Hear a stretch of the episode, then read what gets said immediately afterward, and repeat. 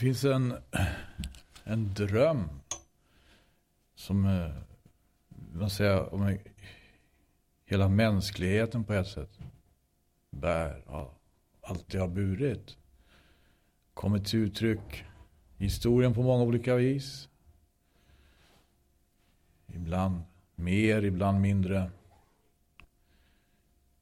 Eh, ska vi säga verklighetsförankrat.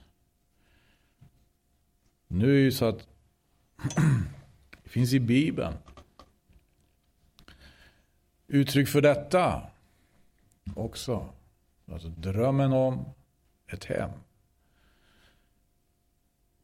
Drömmen om ett hus. Ett hem som är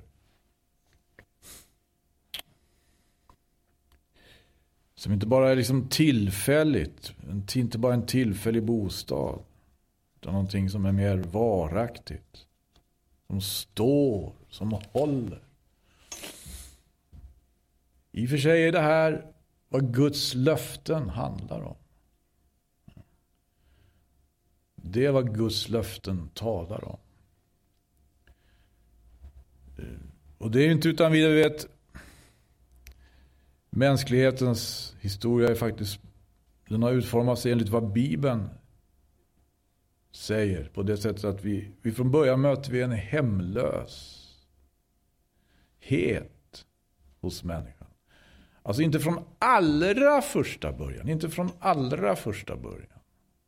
För då skildras ju det här, ska vi säga, hemmet på ett helt storslaget slaget vis. Det talas om Edens lustgård. Men vi, vi vet, det första människoparet förlorade snart. Tillträdet till Edens lustgård. Förlorade överhuvudtaget. Helt och hållet kontakten med Edens lustgård. Jag förlorade hela lustgården. Förlorade hela lustgården. Blev på ett sätt hemlösa. Det kanske inte var hemlösa på det viset att de fick faktiskt någonstans att vara. Men Eh, hemlösheten fanns trots allt. Och om inte förr så kommer det väldigt klart till uttryck hos förste sonen då, Kain.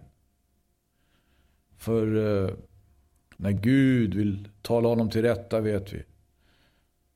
Då, då handlar det om det här alltså att han kommer att bli ostadig, flyktig på jorden. Ostadig och flyktig. Hur, hur säger han? Det står så här i Första Moseboks fjärde kapitel.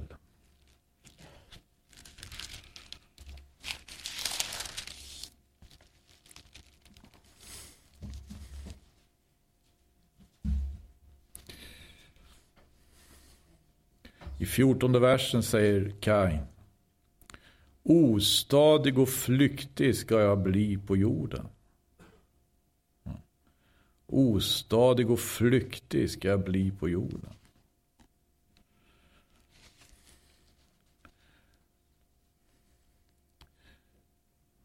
Och det här vet vi är ju en hemlöshet. En rotlöshet. Som efterhand som tiden går egentligen kommer att bli allt mer allvarlig. Och allt mer svår. Och därför ser det ju så, så, så allvarligt också med dessa löften. Löften i skriften som handlar om att Gud vill återföra de som har flytt, de som har kommit bort. Han vill återföra till David, Israels ljuvlige sångare, som han kallas på, på ett, vid ett tillfälle. Han får fram det här. Guds löfte på ett alldeles, tycker jag, enormt vis. Det är Andra Samuelsbokens 23 kapitel. Och det står om Davids sista ord där. Davids sista ord. Och står det, säger bland annat så här. Vad är det i fjärde versen eller femte? Då står det. Är det icke så med mitt hus inför Gud? Är det icke så med mitt hus inför Gud? Han har ju upprättat med mig ett evigt förbund. I allo stadgat och betryggat. Ja, visst ska han låta all frälsning och glädje växa upp åt mig. Egentligen så är det lite mer frågande allt det här förstår jag. Det finns ju andra översättningar. Det börjar med en fråga. Är det icke så? Är det icke så? Med mitt hus inför Gud. Har han icke upprättat med mig ett evigt förbund? I allo stadgat och betryggat. I allo ordnat och försäkrat. Ska han inte låta all frälsning och glädje växa upp? Men det är lite frågande faktiskt. Det förstår jag. Jämfört med andra översättningar. Överhuvudtaget här. Det, men det finns liksom det här, ska vi säga, flimrande hoppet. Eh, det är ju så här att löftena till David, det är ganska speciella löften.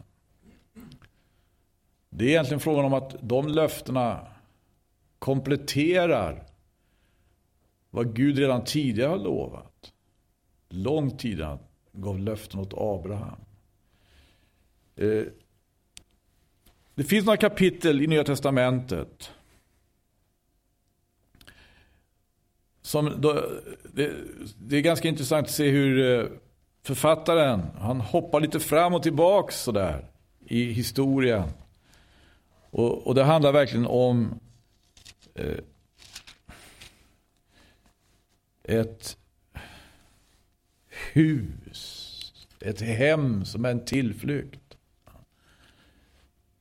Som är ett hopp.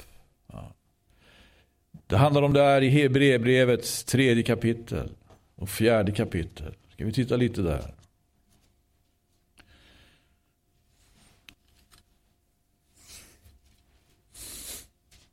Tidigare under veckan här har vi varit inne på det här om just Guds löften och jämfört med hur eh, löftena till Abraham förhåller sig till Mose lag.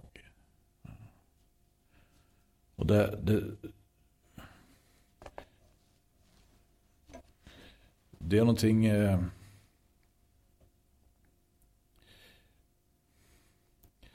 så att säga som eh, egentligen vi kan inte få bättre hjälp och reda ut än det vi får vid, vid korset.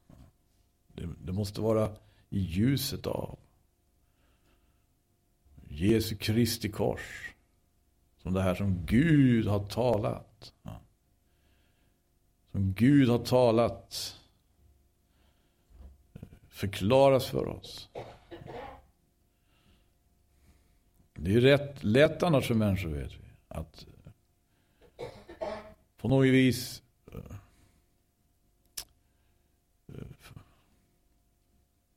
fångas eller fixeras av det Gud har sagt.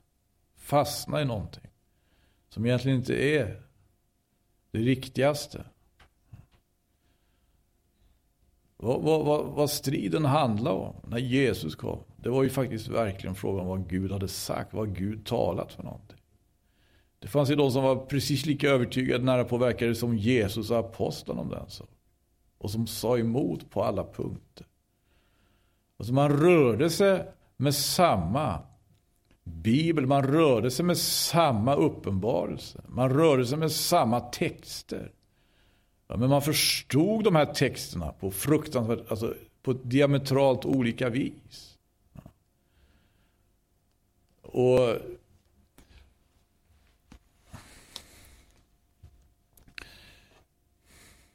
här har ju, just här har ju Nya Testamentets författare ett väldigt arbete ibland. Att liksom eh, få på något vis loss troende människor från, från fixeringar. troende människor som har eh, eh, börjat liksom arbeta med det här. Med vad är egentligen frågan om? Vad har vi varit med om? Har vi hört Gud tala till oss? Har vi hört Guds röst? Har vi kommit till tro på honom? Har vi hört evangelium om Jesus Kristus? På vilket sätt har evangelium kommit då? Evangelium har ju kommit eh, så att säga på en alldeles bestämd väg. Det har ju kommit på när aposteln Paulus exempelvis skriver romabrevet så då, då får han liksom fram det så att eh, han skildrar liksom den, den portal som han beskriver. En portal. För, för hur, så, så, genom vilken evangelium har kommit. Och han är ju väldigt allvarlig med det. Han understryker ju det. Alltså, att den här portalen som evangelium, han talar ju om, om Jesus själv. Han skriver om Jesus själv. Så som, vadå? Som det heter i första kapitlet av, såsom människa i köttet. Född av Davids, just av Davids säd. Såsom människa i, i köttet, född av Davids säd. Men såsom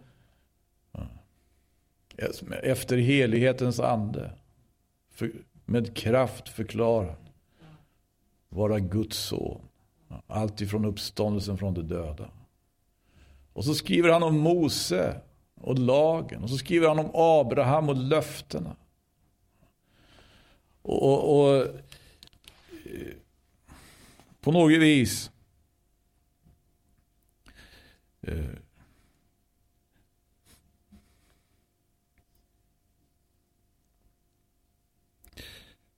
kommer då att kretsa då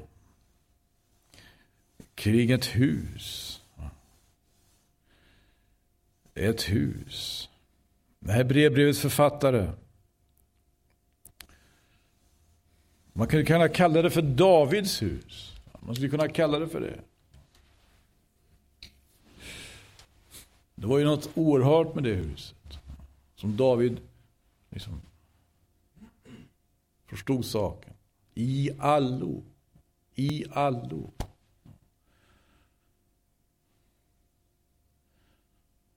Ordnat och försäkrat. Stadgat och betryggat i allo. Verkligen ett hus som står fast. Ett hus som står på stadig grund. Ett hus som inte går att rubba. Ett hus va? Som, som står i kraft av Guds löftesord. Ett hus. Vilka ska... Vilkas hus? Davids hus. Davids hus. Fruktansvärt av Davids hus. Det är det, det, är det löftena talar om. Davids, vilka, vilka, vilka tillhör det huset då? Vilka tillhör det här huset? Ja, det måste i alla fall tillhöra David. Det måste väl tillhöra David och hans eh, efterkommande. Det här huset som liksom ter sig som, som är en flimrande vision. För David själv. Du vet, det som är så, så märkligt, som är så otroligt märkligt med de här löftena, det är alltså att när Gud sänder sin son Jesus Kristus, då spränger han ju det här huset. Man skulle tänka sig, det finns ingenting som är mer, så att säga, Eh, tillslutet. Det finns ingenting som är mer exklusivt. Det finns ingenting som är mer avskilt än det här huset, Davids hus. Dit ska väl inga hedningar komma. Dit ska väl inga greker komma in. Där ska väl inga filister komma. Aldrig, det kommer inte i fråga. Filisterna de förde ju krig, de ville hela tiden bryta sig in i det här huset. De ville hela tiden bryta sig. Jag vet inte hur många gånger i första Samuelsboken och andra Samuelsboken man kan läsa om krig mellan filisterna och Israel. Oräkneligt antal. De kom aldrig in, de kunde aldrig bryta sig in. Eh, inte heller några andra hedningar. Inte i Davids hus. Det fanns inga möjligheter. Därför Gud själv hade för att berätta Gud själv hade givit löften. Gud hade givit löften om seger och framgång. Det gick inte att rubba det, gick inte att ändra det. Va? Ingen kunde. Va? David blev ju själv förvånad. Han blev själv förvånad när han drog ut i krig till exempelvis. Hur Gud var med. Han kunde inte fatta hur kan det vara möjligt. Han hade sån seger, han hade sån framgång vart han, vart han än begav sig. Så han kunde inte fatta det riktigt själv. Han sa så här vid ett tillfälle. Herren har brutit ned mina fiender framför mig. Så som en vattenflod. Bryter ner allt som kommer i dess väg. Men det här huset, Davids hus. Det, huset som liksom stod så säkert, stod så fast. Profeterna kommer i sin tid. Av någon anledning kommer profeterna att se hur det här huset bara eh, faller. Hur Davids hus, vad händer med Davids hus? Vad blir det av det? Vem är det som har skrivit den 89 salmen i Psaltaren? Där står det ju skildrat vad som sker med Davids hus. Vi kan läsa om eh, eh från början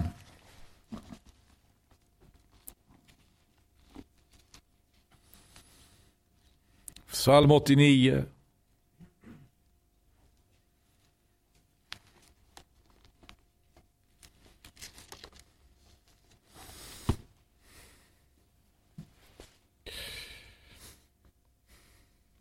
Vers 4.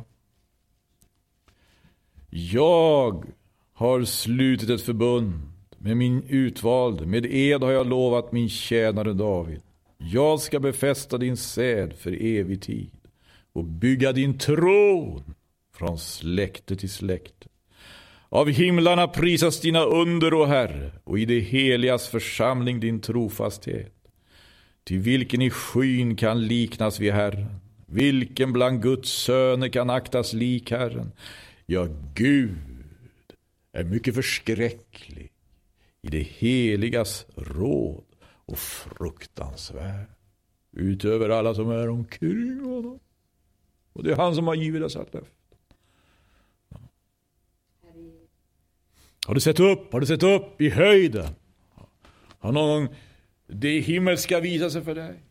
Har du fått så att säga se det himmelska väsendet som omger Guds tro? Har du sett honom själv sitta på tronen? Vilken fråga. En sån fråga kan man inte ställa. Det har väl ingen människa sett? Det kan väl ingen se? Det finns de som har sett det. Du. När vi går till den här boken. Profeterna som fick det här uppenbarat för sig. En av dem det är Israeliten Etan. Vad han har sett, förnummit, anat. I en helig syn, det är det han skildrar här. Ja, ty vilken i skyn kan liknas vid Herren. Vilken bland Guds söner kan aktas lik Herren? Ja, Gud är mycket förskräcklig i det heligas råd och fruktansvärd utöver alla som är omkring. Det vill inte säga lite det. Hör. För där uppe du i höjden, där finns de fruktansvärda. De fruktansvärda eviga makterna. Som vi inte kan se med våra ögon.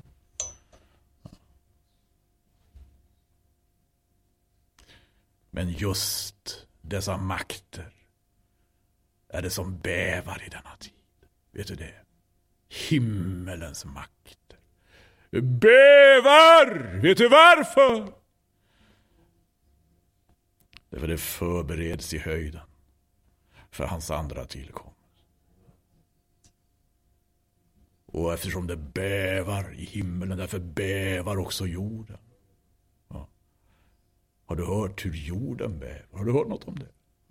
På senaste tiden. Vilka väldiga jordbävningar.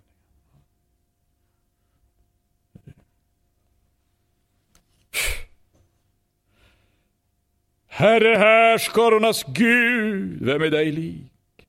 Starka Herren och din trofasthet runt omkring. Det är han som är stark.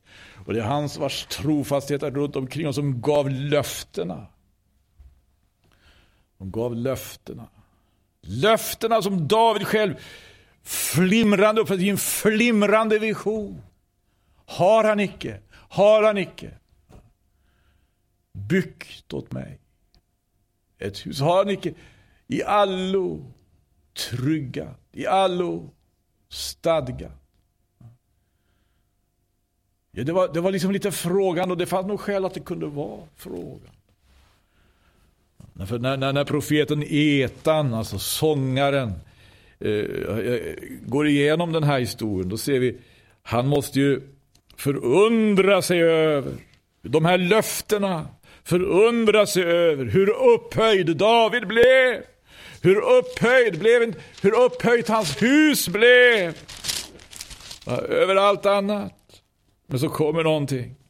Det sker för det vänder, det vänder. Han, han går igenom här hur Gud har talat eh, en hel del då sådär. Men så heter det så här i 39 versen. Men nu har du förkastat och förskjutit din smord och handlat i vrede mot honom. Du har upplöst förbundet med din tjänare. Du har oskärat hans krona och kastat den ner till jorden. Du har brutit ned alla hans murar, du har gjort hans fästen till spillror. Alla som går vägen fram plundrar honom. Han har blivit till smälek för sina grannar. Vad är det här för någonting? Vad är det som han ser här egentligen? När Davids hus kommer till sin rätt. När Davids ättling framför alla andra kommer. Som det heter i Galaterbrevets fjärde kapitel. När tiden var fullbordad sände Gud sin son, född av kvinna och ställde under lagen, vem var det? Davids ättling framför alla andra. Den främste, den största av Davids hus. Honom som löftena gällde. Honom som de här oerhörda löftena gällde. Och vad sker när han kommer? När han kommer i världen så blir han inte accepterar. Han blir korsfäst. Man kan se det här huset, huset, Davids hus, dess främste representant, rämnar på korset. Det rämnar. Men det är ju just det här, alltså, eh, i apostlagärningarna, som det vill säga ett, ett av de första apostlamötena som hålls i Jerusalem efter korset, efter uppståndelsen, efter himmelsfärden. Då samtalar apostlarna med varandra. Och det handlar just om just hur det, Davids hus som borde ha en sån oerhörd integritet, en sån oerhörd integritet. Hur ska vi kunna släppa in hedningar i det? Hur ska vi kunna låta dem, om de inte är omskurna, om de inte håller sabbaten, om de inte gör någonting annat. Det är just det samtalet handlar om här, Apostlagärningarnas 15 kapitel. Och en av de som tar till orda, det är ju Jakob. Och han säger så här, i Apostlagärningarna 15 står det så här i 14 versen. Simeon, som hade talat före honom alltså. Simeon har förtäljt hur Gud först så skickade att han bland hedningarna fick ett folk som kunde kallas efter hans namn. Därmed stämmer och överens vad profeterna har talat, ty så är skrivet. Därefter ska jag komma tillbaka och åter bygga upp Davids förfallna hydda. Ja, dess ruiner ska jag bygga upp och så upprätta den igen. För att och övriga människor ska söka Herren. Alla hedningar som har uppkallats efter mitt namn, så säger Herren han som ska göra detta. Davids förfallna hydda. Huset som tycktes, tycktes stå så fast och säkert som aldrig skulle kunna rubbas. Det rämnade och hedningarna. Människor från alla fyra väderstreck. trängde in i det här huset. Inte som förr då. Med vapen i hand för att skövla och härja. Men gråtande, bedjande, med ett botfärdigt sinne fick man komma in i Davids hus och komma i åtnjutande av de stora löftena. Ofattbart. Men Gud var evigt lov. Nu ska vi gå till Hebreerbrevets tredje kapitel. Hebreerbrevets tredje kapitel.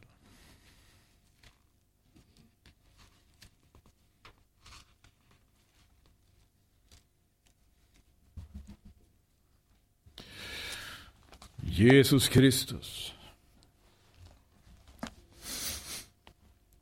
Här har han i två kapitel gått igenom på sitt särskilda vis här, Hebreerbrevets författare. Vad som har skett då Jesus har kommit. Talat om att det är skillnad mellan Jesus och änglarna. Det här har jag undrat över ibland. Vad, vad, vad, vad, betyder det att det är skillnad mellan Jesus och änglarna? Måste det understrykas? Men så har jag ibland insett, ja men är inte risken att vi gör Jesus till en ängel? En ängel. Men du, han har givit oss ett konkret, eh, så att säga, hus att vara i.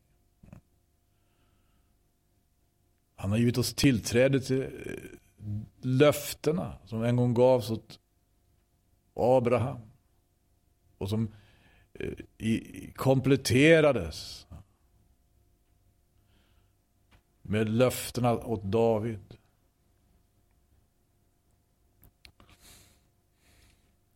Han borde inte vara svävande för oss. Han borde inte vara så att säga diffus för oss.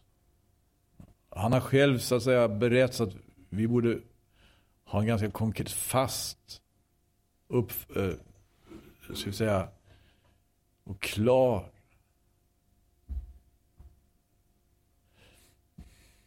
Jesusbild. Jesusbilden som, som, skriften ger oss.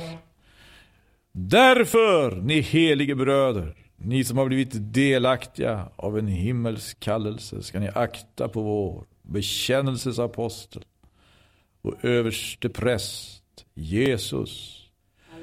Hur han var trogen mot den som hade insatt honom, liksom Moses var trogen i hela hans hus.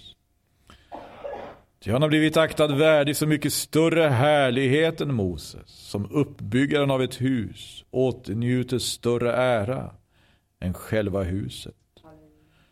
Vart och ett hus bygges ju av någon, men Gud är den som har byggt allt.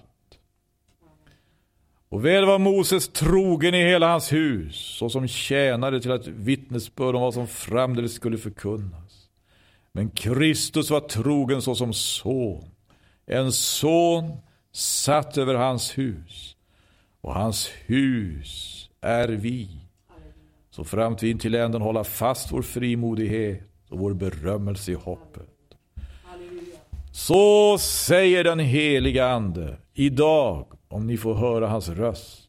Må ni icke förhärda era hjärtan, så som när det förbittrade mig på frestelsens dag i öknen.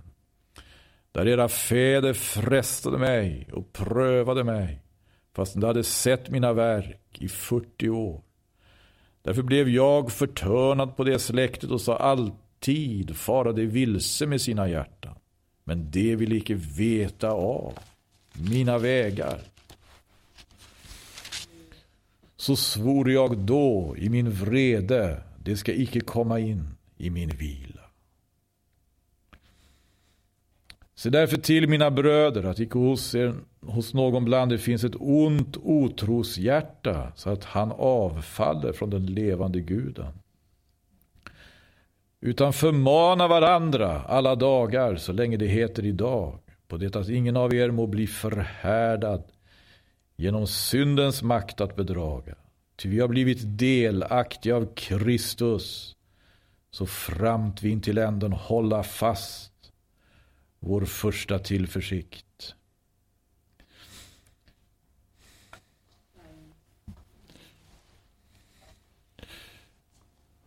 Det här kapitlet och det nästa kapitlet innehåller en hel del. Men jag ska bara läsa igenom ett och annat nu här. Ty vi har blivit delaktiga, heter det här, av Kristus. Så främst vi in till änden hålla fast vår första tillförsikt. Kristus. När vi har kommit till ett konkret hus. Det är Guds hus. Det är Guds församling. Där Kristus är. Inte en tjänare i huset. Utan en son som är satt över huset. Alltså inte som tjänaren. Mose. Eh, som verkligen var lik Jesus, står det här, i fråga om trohet. Men det är en väldig skillnad i fråga om härlighet. Vad gör tjänaren? Han tjänar i ett hus som han inte har byggt själv. Vad gör sonen? Han råder över ett hus som han har byggt själv. Det är skillnaden. Skillnaden. När det nu sägs idag om ni får höra hans röst, må ni inte förhärda era hjärtan, så som när det förbittrade mig. Vilka var då det som förbittrade honom, fastän de hade hört hans ord? Var det inte alla det som under Mose hade dragit ut ur Egypten? Och vilka var det som han var förtörnad på i 40 år? Var det inte det som hade syndat, i vilkas kroppar föll i öknen? Och vilka gällde den ed som han svor, att det inte skulle komma in i hans vila? Vilka om icke de som hade varit ohörsamma? Det talas om vila här. Och det är väl det som är tanken med det här huset. Davids hus. I allo. I allo. I allo. Ordnat stadgat och betryggat. I allo stadgat och betryggat. Kommer man i ett sånt hus, naturligtvis är det en väldig vila. En vila i ett hus som är allo stadgat och betryggat.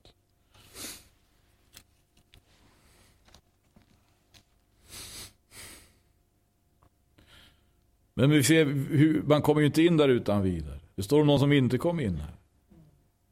Det står till och med att Gud svor en ed. Att de skulle inte komma in. Och vad var det berodde det på? Det står det var för otros skull. Eftersom nu ett löfte att få komma in i hans vila ännu står kvar. Må vi alltså med fruktan se till att inte någon bland er en gång har blivit efter på vägen. Ty det glada budskapet har vi mottagit såväl som det. Men för dem blev det löftesord de fick höra till intet gang. Eftersom det inte genom tron hade blivit upptaget i de som hörde det. Vi som har kommit till tro, vi får ju komma in i vilan. Det heter också, så svor jag då i min vrede, det ska icke komma in i min vila. Och detta fastän hans verk stod där färdiga allt ifrån den tid då världen var skapad. Och den här versen är så märklig så det måste jag stanna inför lite grann.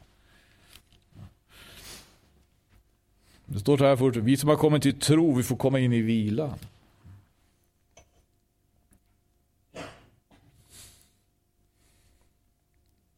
Vilket allvarligt ord.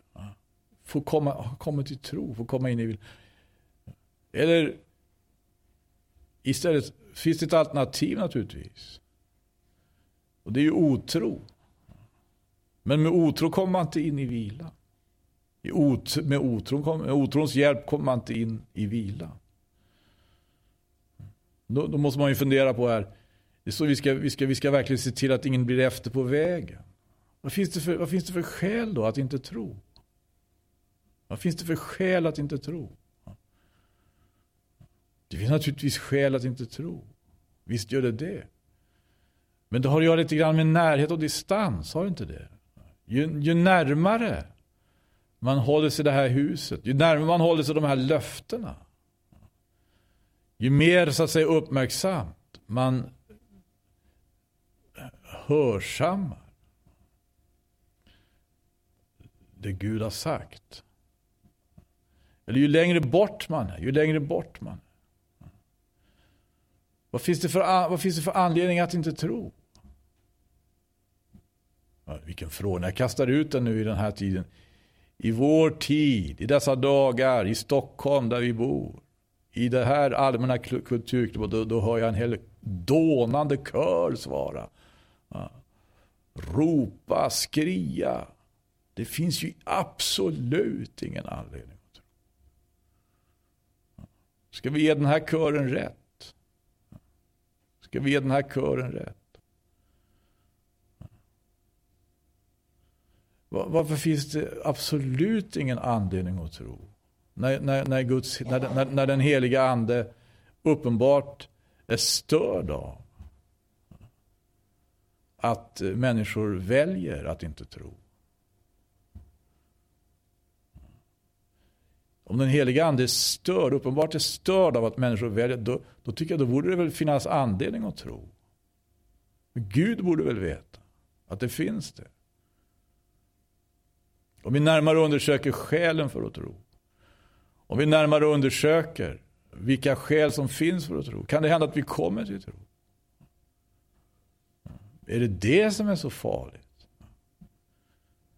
Skulle det kanske innebära att hela vår inriktning, hela vår livsstil, allt sammans så att säga måste styras in på, ett helt, på en helt ny väg? Är det det som vi inte vill? Ja, om vi inte vill. Därför att vi tycker att vår livsstil våra vägar, våra tankar betyder mer för oss än det Gud har sagt, än det Gud har talat, än det Gud har tänkt. Det är klart att vi har ju naturligtvis det valet.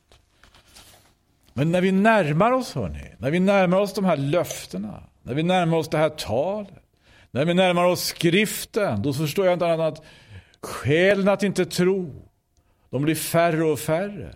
Skälen att inte tro, de blir färre och färre. Tvivlet som vi kan ha anledning att hysa, det skingras mer och mer. Ja? Tvivlet som vi kan ha anledning att hysa, det skingras mer och mer. Har det att göra med vad vi överhuvudtaget vill vara någonstans? Vilket hus är det vi vill närma oss? Vilket, så att säga, vilken ordning är det vi vill närma oss? Det som Gud står och har stadgat, det som han har stadgat, gjort säkert och fast. eller någonting annat. Så svor jag då i min vrede, det ska icke komma in i min vila.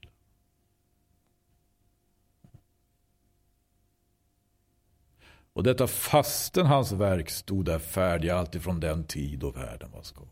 Vad betyder det här nu då? Varför denna utvikning? Varför, varför denna utvikning mitt i allt sammans?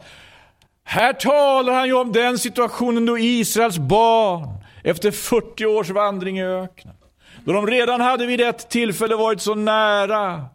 De hade varit så nära, de stod vid gränsen vet vi, till Kanans land och det var så nära att de tog steget tillsammans in, men den gången gick det inte. Därför det var för många som inte trodde. Det var för många som höjde så att säga tvivlets skarpa stämmor. Högt protesterade mot att behöva komma, gå in i ett land som man menar, där kommer vi att gå under. Det var inte så många som trodde på Gud. Det var ju få det. Det var ju två personer vet vi så här. Nu skildras den här situationen. När folket stod där när man var på väg att alltså ingå i, att, att, att gå in i det, i det utlovade, i, i löftesland. Och så plötsligt så kommer den här utvikningen. Har ni hört? Har, har ni hört? Det står, det står om att komma in i hans vila. Komma in i, i löfteslandet. Komma in i Davids hus rent av. Som det ju blir så småningom.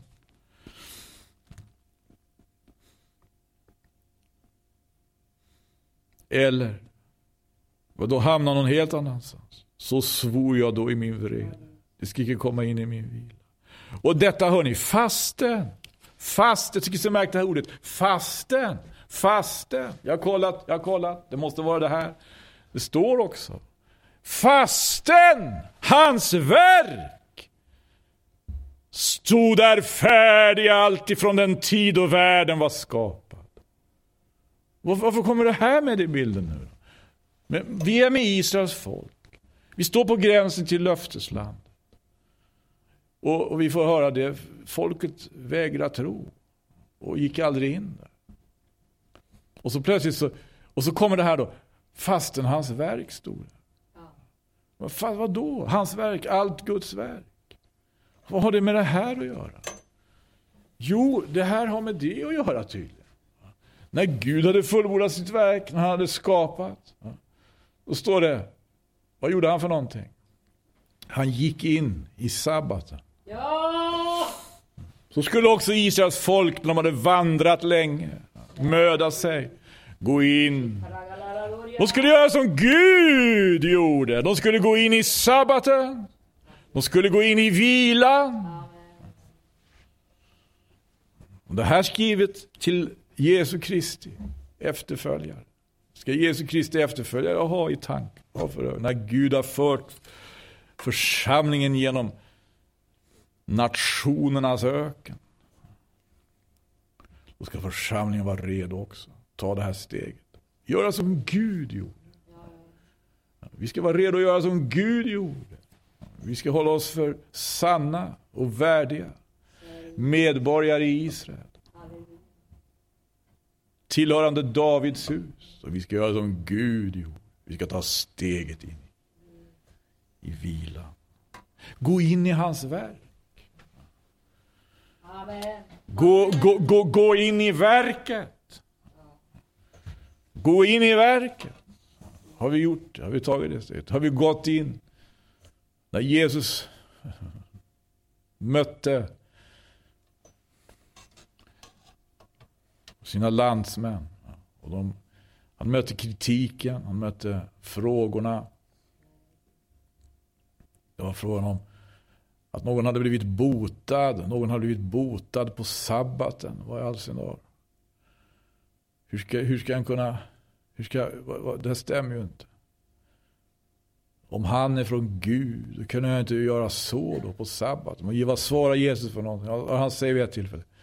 Min fader verkar ännu allt jämt. Så verkar och jag.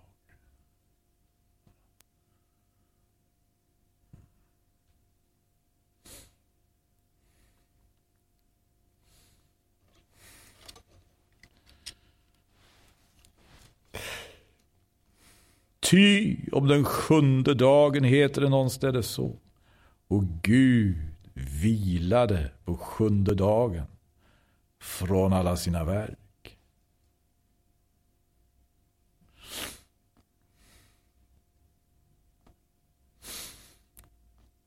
Och allting talar om att vi människor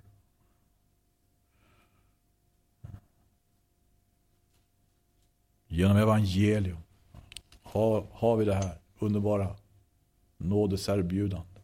Gå in i verket! Och gå in i vilan.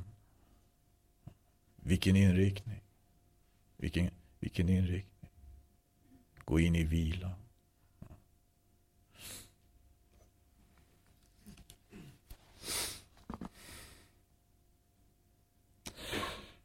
Här åter heter det, det ska icke komma in i min vila. Eftersom det alltså står kvar att några ska få komma in i den. Och eftersom det som först mottog det glada budskapet för sin ohörsamhets skull icke kom dit in. Så bestämmer han genom ordet idag. Åter en viss dag. Nu då han så lång tid därefter säger hos David. Så som förut är nämnt. Idag, om ni får höra hans röst må ni icke förhärda era hjärtan. Ty om Josua hade fört dem in i vilan så skulle Gud inte ha talat om en annan senare dag. Alltså, går, alltså står en sabbatsvila åter. Alltså står en sabbatsvila ännu åter för Guds folk. Till den som har kommit in i hans vila. Han har funnit vila från sina verk, liksom Gud från sina. Så låt oss nu med all flit sträva efter att få komma in i den vila. För att ingen må, såsom det, falla och bli ett varnande exempel på ohörsamhet. Har vi en sån församling? Är det ett sånt församlande som vi så att säga har? Att vi upplever det är så att säga för oss konkret och gripbart. En kallelse, en, en, en uppmaning. Gå in i verket! För att gå in i vila.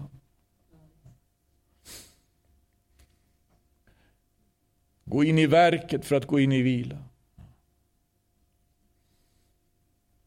Eller leder vårt församlande, leder våra aktiviteter till ingenting annat än stora diskussioner. Till tvivlets, så att säga, skarpa repliker och argument. Och till slut till en hel otroskör. Nej, nej, nej! Det vill vi inte, det vill vi inte tala om! Har vi inte kommit långt bort då, i sådana fall från det som Gud vill?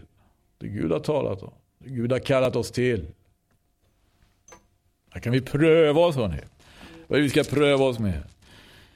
Så så här i vers 12. Ty Guds ord är levande och kraftigt och skarpare än något tvegat svärd och tränger igenom så att det åtskiljer själ och ande, märg och ben och det är en domare över hjärtats uppsåt och tank. Har du mött ett sånt Guds ord?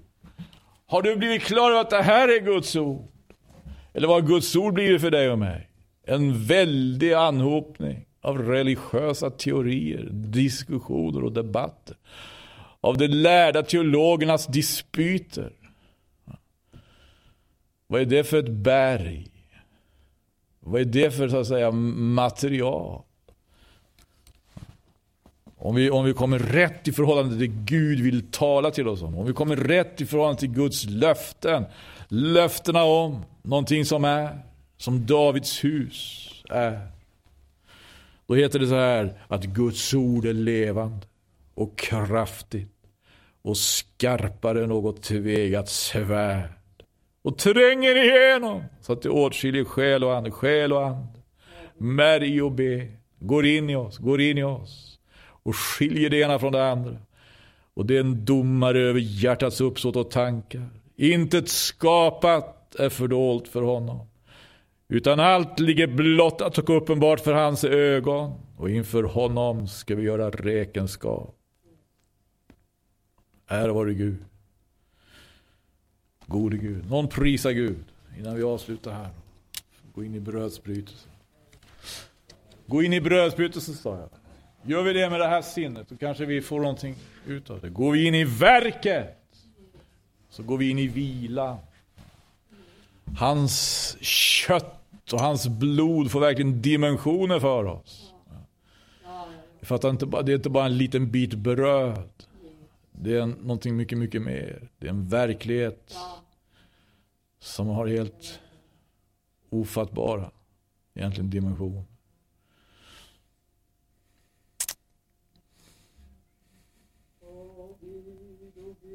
Prisa Gud namn.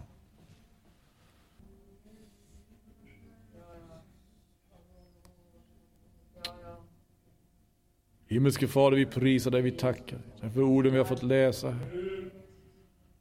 Tack för den församlande, Herre, dragande kraften i dessa ord, Herre. När vi får. Och Gud, när vi får höra Guds röst.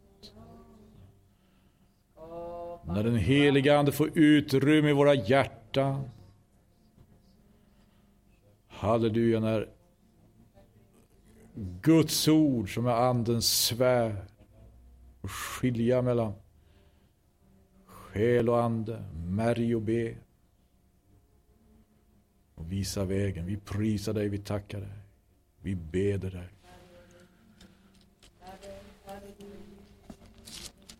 Eftersom vi nu har en stor överste präst som har farit upp genom himlarna, nämligen Jesus, Guds son, så låt oss hålla fast vid bekännelsen.